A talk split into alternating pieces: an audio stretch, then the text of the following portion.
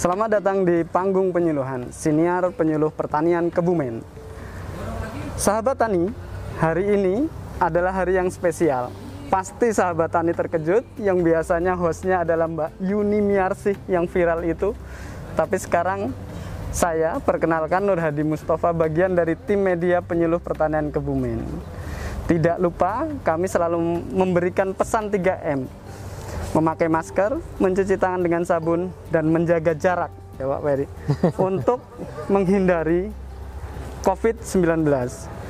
Namun Pak Ferry, ini kita jarak kita sudah ada satu Sudah meter ya. Nanti kita- kalau kita ngobrolnya biar lebih enak dilepas bisa Pak Ferry ya. bisa. Oke, kita lepas saja Pak Ferry biar Oke, ya, ngobrolnya makasih. lebih leluasa. Iya. Sahabat Tani, hari ini selain hostnya beda, tempatnya ini beda.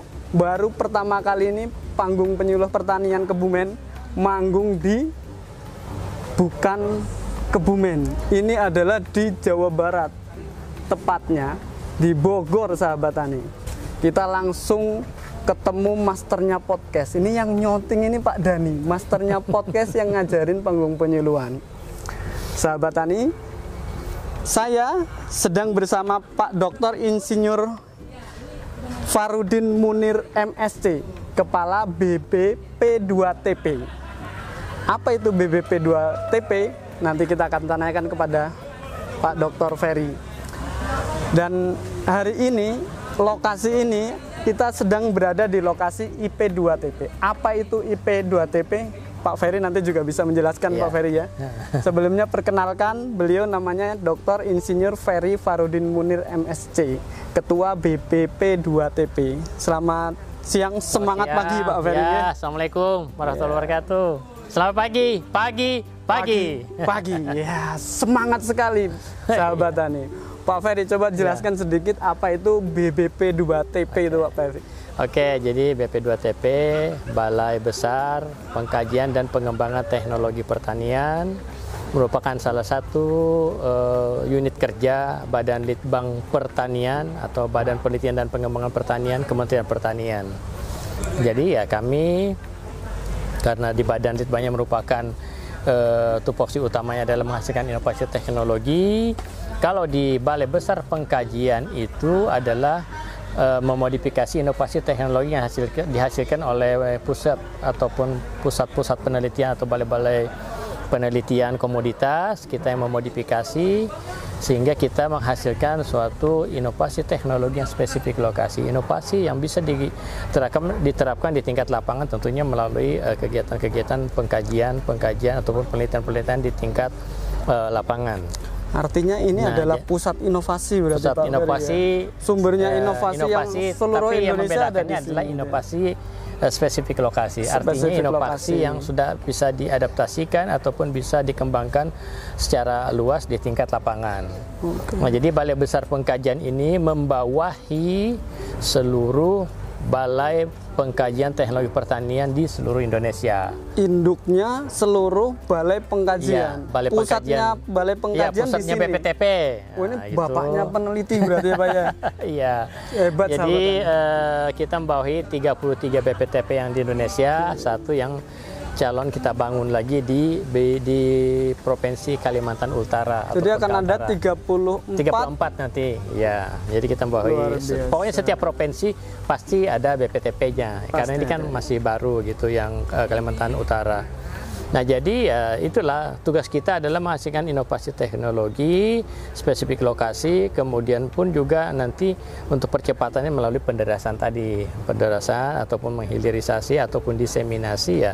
Kegiatan itu sudah di tingkat lapangan yang kita harus kembangkan bersama-sama dengan teman-teman penyuluh ataupun dinas terkait penyuluh, kemudian juga eh, apa namanya eh, petugas lapangannya atau penyuluh lapangan dan juga para petaninya. Oh. Jadi kita bersama-sama lah saling ini eh, me- me- mengembangkan inovasi teknologi kami kawal ataupun kami lakukan pendampingan-pendampingan gitu di tingkat lapangan. Oke, Nah, arti- kalau yang tadi di sini ini IP2TP merupakan instalasi eh, pengkajian eh, teknologi pertanian yang mana kita di situ merupakan suatu kebun percobaan ya sebenarnya yang dulunya kebun percobaan di mana di situ bisa untuk sebagai tempat melakukan pengkajian ataupun penelitian ataupun uji uji uji eh, tanaman ataukah juga sebagai sumber penyedia bibit ataupun benih Nah, benih padi, benih jagung, benih apa. Nah, khusus di IP2 TP TP. Cipaku ini yang dibawahi oleh BPTP Jawa Barat. Di sini konsentrasinya adalah sebagai pusat penyedia bibit tanaman hortikultura. Tanaman hortikultura. Nah, di sini ada buah-buahan, durian, rambutan, belimbing, manggis dan sebagainya, lengkeng, jambu. Semuanya ada di Nah. sini Pak Ferry. Artinya Iya, berarti jadi teknologi buah-buah yang dari daerah yang unggul katakan durian apa diambil dari daerah-daerah atau Ditampung di provinsi, sini. ditampung di sini kita kembangkan. Tapi memang sudah ada juga pohon-pohon indukan yang lebih awal. Nah, kita kan bisa saja menitip di pohon yang besar, tapi kita sambungkan nanti di situ. Itu nanti eh, tentu nanti sebagai penyedia entris ataupun penyedia batang sambung nanti. Nah itu dan itu tidak tidak semudah itu pasti sudah disertifikasi dulu oleh eh, balai sertifikasi eh, yang ada di dinas pertanian ya. Iya, Nah tentu itu disertifikasi semua tidak boleh sembarang kita menyediakan benih kalau belum disertifikasi nggak boleh gitu. benih yang dari sini berarti sudah Bibit bibit, ya. bibit yang dari ya. sini sudah lulus Ber- sertifikasi Iya, semua iya, ya. harus bersertifikasi Arti- berdasarkan dari induk yang disertifikasi. yang disertifikasi juga, tidak sembarangan indukan. Artinya BBP2TP itu ketika mengeluarkan inovasi Ya. itu sampai ada kebun percobaan seluas ini sahabat tani. Jadi nggak main-main gitu. Jadi Iya. membuat inovasi itu nggak langsung dipaksakan kepada sahabat tani sekalian, Iya. tapi sampai ada khusus kebun percobaan seperti ini Pak Ferry Iya, ya. iya, iya. Jadi apa yang udah sampai ke tingkatan BPP atau penyuluh seperti kami di lapangan adalah inovasi-inovasi yang memang sudah Iya. layak untuk diterapkan di Ya, sana ya Pak Ferry. sudah ya. dilakukan eh, uji-uji dulu. Kalau kita contoh ya varietas-varietas unggul seperti padi, jagung, kedelai dan sebagainya itu itu kita harus lakukan dulu uji multilokasi. Ada uji multilokasi di itu lokasi jadi yang mau beberapa provinsi ya. diuji, nanti didapatkan eh, rata-rata produksi yang eh, eh, sama atau dirata-ratakan dan itu kalau sudah memang produksinya stabil baru kita bisa lepas gitu sebagai varietas unggul untuk dikembangkan atau dimasalkan. Jadi setelah hasil penelitian kalau hasil persilangan penelitian kita menghasilkan suatu turunan baru ataupun eh, varietas baru unggul misalnya varietas eh, itu harus diuji coba dulu. Makanya istilahnya uji multilokasi, beberapa lokasi diuji coba. Kalau memang bagus dan produksinya sudah stabil, nah baru kita kembangkan secara Massal. luas, massal gitu. Bahkan Ataupun di- pengembangan dalam satu kawasan yang dengan luasan yang tertentu gitu. Itu sudah istilahnya sudah eh, pengembangan skala luas ataupun scaling up. Nah kita kalau BPTP sudah ada varietas unggul yang sudah keluar hasil uji multilokasi yang sudah direkomendasikan oleh eh, balai-balai komoditas, katakan kalau padi ya, oleh balai besar eh, penelitian padi, nah kita eh, uji dulu lagi untuk eh, di lapangan lah untuk melihat hasil ininya. Kalau memang bagus, produksi tinggi, kemudian juga diterima oleh masyarakat pasar ini baru kita kembangkan secara luas. Kalau uji-ujinya mungkin 5 hektar, 10 hektar ataupun 2 3 hektar itu kan kecil ya. Nah, tapi kalau sudah memang stabil dan memang baik dari aspek pemasaran, produksi, tahan terhadap hama penyakit dan sebagainya baru kita kembangkan secara luas. Mungkin di atas 50 hektar, 100 hektar, bahkan satu kawasan mungkin 1000 hektar tidak menutup kemungkinan itu. Jadi kita pakai tahapan-tahapan itu. Dan tentu kita lakukan pengawalan-pengawalan secara eh, intensif di tingkat lapangan. Di tingkat gitu. lapangan, Itu yang kerjaan kami. Jadi di BP2TP, BPTP itu di sini pun juga ya IP2TP ada penelitinya, ada penyuluhnya, ada fungsional eh, teknisi juga ataupun lead kayasa. Nah, jadi itu ada semua itu karena mereka kan pejabat-pejabat fungsional ini tugaskan untuk melakukan kegiatan baik itu melakukan pengkajian penelitian ataupun juga eh, penyuluhan. Termasuk di dalamnya ya kegiatan-kegiatan tadi yang perbanyakan tanaman, apa perbanyakan benih ataupun bibit dan sebagainya dan seterusnya gitu. Artinya BPP2TP ini memang kontribusi terhadap pembangunan pertanian kita itu sangat luar biasa Iya. berarti sahabat Ya. tani sekalian. Kita kan bermitra, Bermitra dengan teman-teman penyuluh, penyuluh di dinas, daerah, kemudian di- petani-petani petani terutamanya ya. Nah, karena kita kan Tujuannya untuk orientasi di kesejahteraan petani ya. Hmm, Kita mengawal di tingkat lapangan. Gitu. Satu lagi Pak Ferry, saya pengen nanya, ini kan isu pertanian di saat pandemi ini Pak Ferry ya. Katanya itu Pak Menteri Pertanian juga menyampaikan, Iya. di saat sektor-sektor lain turun, Iya, sektor pertanian naik. iya, betul. Itu ceritanya gimana itu? Ya, Kok jadi bisa seperti ini ya, eh, pertumbuhan ekonomi kita dalam kondisi pandemik ini ya di atas 16 persen gitu untuk sektor pertanian. Indikatornya kan tidak ada masalah. Kenapa? Memang itu tidak tidak dipungkiri dan kita harus lihat di tingkat lapangan. Kita dalam kondisi pandemi kan saudara-saudara kita petani kita tetap melaksanakan pertanaman padi. Tetap ke sawah ya kita Pak? mengawal di tingkat lapangan juga eh, aktivitas kita tetap meskipun dalam pandemi ya kita tetap menjaga prokesnya dan sebagainya dan di mana-mana kita melakukan pertanaman di mana-mana kita melakukan panen cek stok beras kita cek eh, stok jagung kita gula kita dan sebagainya kan cukup semua itu indikatornya bahwa kita cukup stok pangan kita bahkan kita mengimpor eh mengekspor sorry sorry mengekspor. eh, komoditas-komoditas tertentu. Ada komoditas-komoditas perkebunan kemudian hortikultura dan sebagainya. Kemarin tanggal 14 Agustus 2021 ini ada namanya eh, Merdeka Ekspor dari langsung 17 titik yang dilepas oleh Bapak Presiden sendiri, Iya, iya, Pak Bapak Menteri Pertanian di 7 ti- 17 titik bersamaan karena 17 Agustus 17 titik ekspor ke luar negeri. Betul betul. Artinya Ada itu beritanya itu Pak. pendapatnya kalau tidak salah berapa triliun gitu. Artinya apa?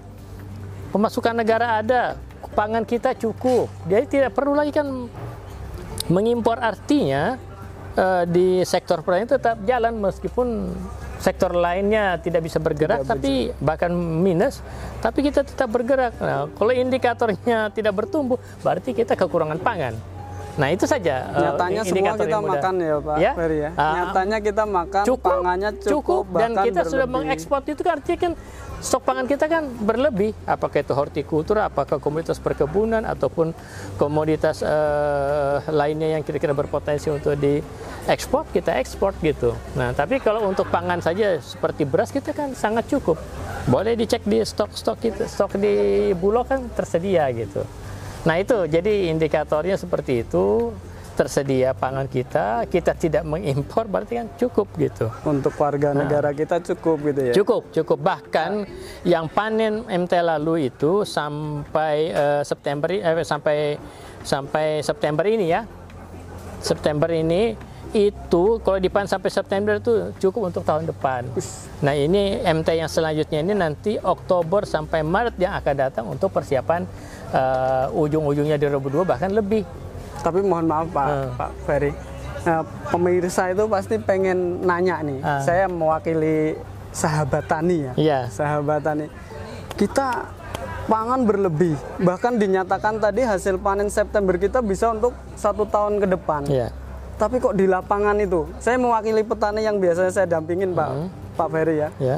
In- isu-isu impor selalu ada di saat panen raya itu Pak Iya. Ferry. Jadi saat petani kita panen raya, pedagang-pedagang beras itu di lapangan, wah ini ada impor macam-macam. Bahkan ada berita-berita media sosial kalau pemerintah sudah mengimpor beras dari mana dari mana itu benar nggak Pak Ferry? Jadi ya sebagian memang ada benar itu untuk kestabilan saja namanya apa istilahnya ya sudah eh, itu ada kebijakan-kebijakan apa namanya sistem perdagangan global ya. Perdagangan global. Nah, Tapi jadi, itu sampai mengganggu Em, apa itu kan diperuntukkan digunakan untuk stok di bulog saja. stok di bulog Nah, ya. tidak mengganggu. Kalau kita dalam siapa tahu dalam musim tertentu nanti gagal panen dan sebagainya atau karena faktor bencana dan sebagainya kita masih punya stok di bulog Oh, itu itu yang digerakkan jadi dia Tapi tidak dikeluarkan di saat panen tidak itu ya tidak Pak Ferry tidak ya? jadi dia sebagai baper aja atau apa namanya penyanggah penyangga. kapan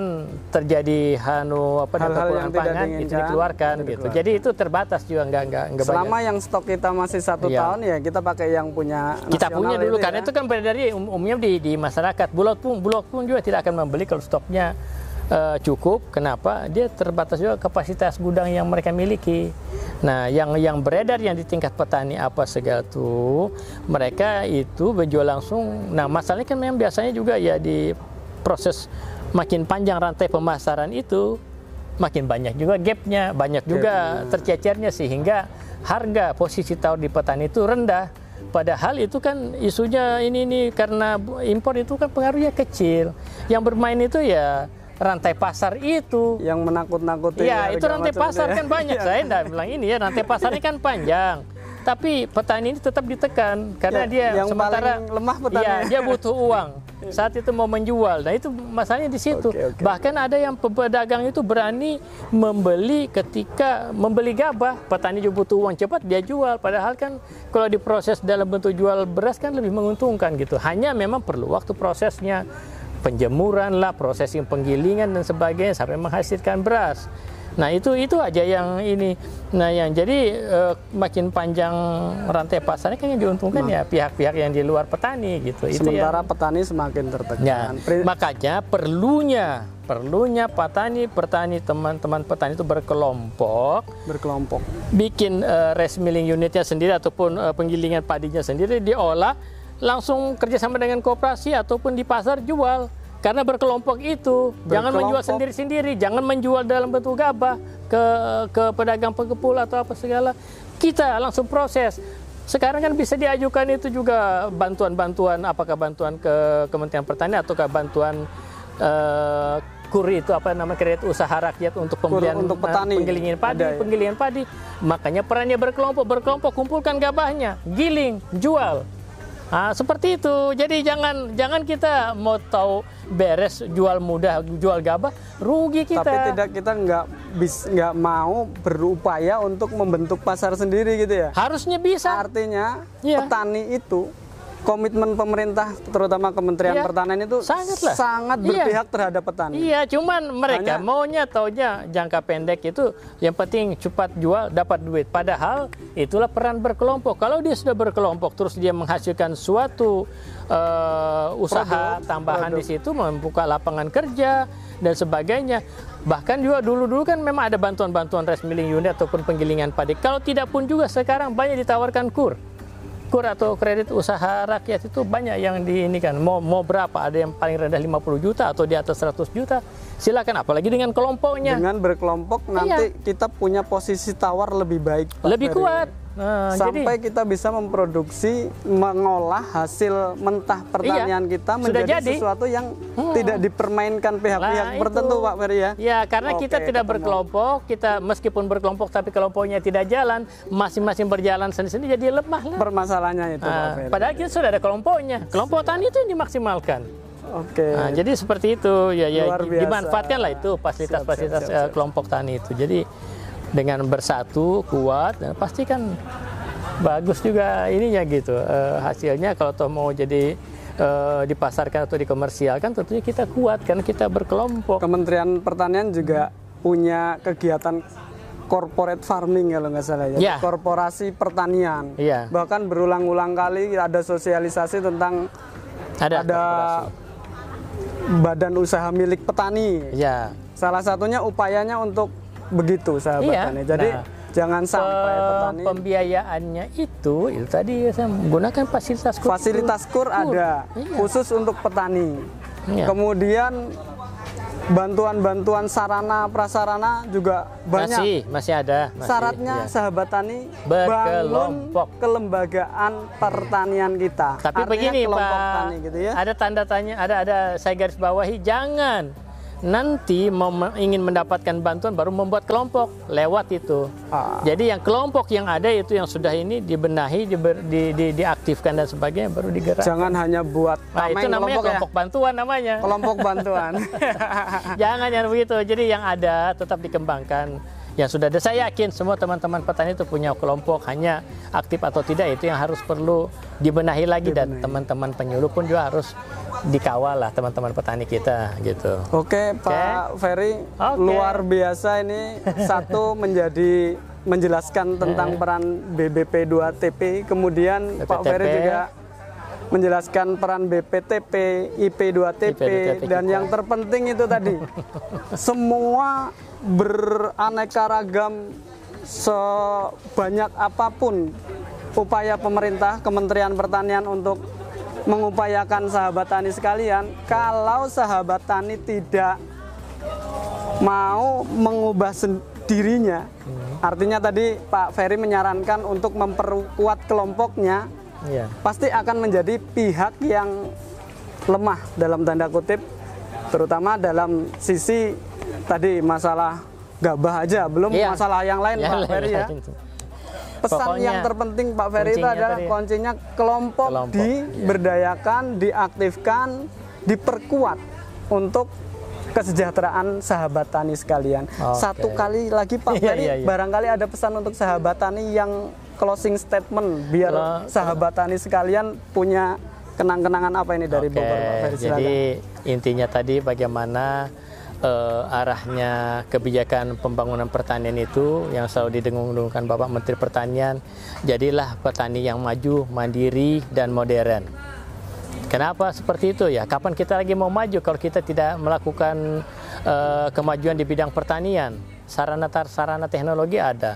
Kemudian kemandirian. Kemandirian kita juga jangan terlalu minta-minta terus. Mandiri. Uangnya ada. Kemarin eh, dievaluasi itu kur itu baru terrealisasi baru separuhnya dari 70 triliun yang disiapkan terrealisasi baru sekitar 30 triliun. belum Nah, termanfaatkan. itu ke- salah satu kemandirian. Kemudian modern ya, gunakan semua modern sekarang kan dengan peralatan inovasi teknologi dengan IT apa segala kita bisa menggunakan peralatan-peralatan mesin, penggunaan bibit unggul dan sebagainya itu modernnya. Itu aja. Kalau kita mau maju pertanian kita harus kita semua menggunakan eh, inovasi teknologi. Jadi kita maju, pertanian maju, mandiri, Mandiri, dan modern. modern. Terima kasih. Assalamualaikum warahmatullahi wabarakatuh. Selamat sore. Oke, Terima terima kasih. kasih, Pak Iya. Ferry Siap. Farudin Munir, Iya. Kepala BBP 2TP. Demikian, sahabat tani sekalian, petani Indonesia berjaya, bahagia, dan sejahtera. Penyuluh pertanian Kebumen aktif, kreatif, inovatif. Saya Nur Hadi Mustafa, terima kasih, sampai jumpa. Sampai jumpa. Makasih.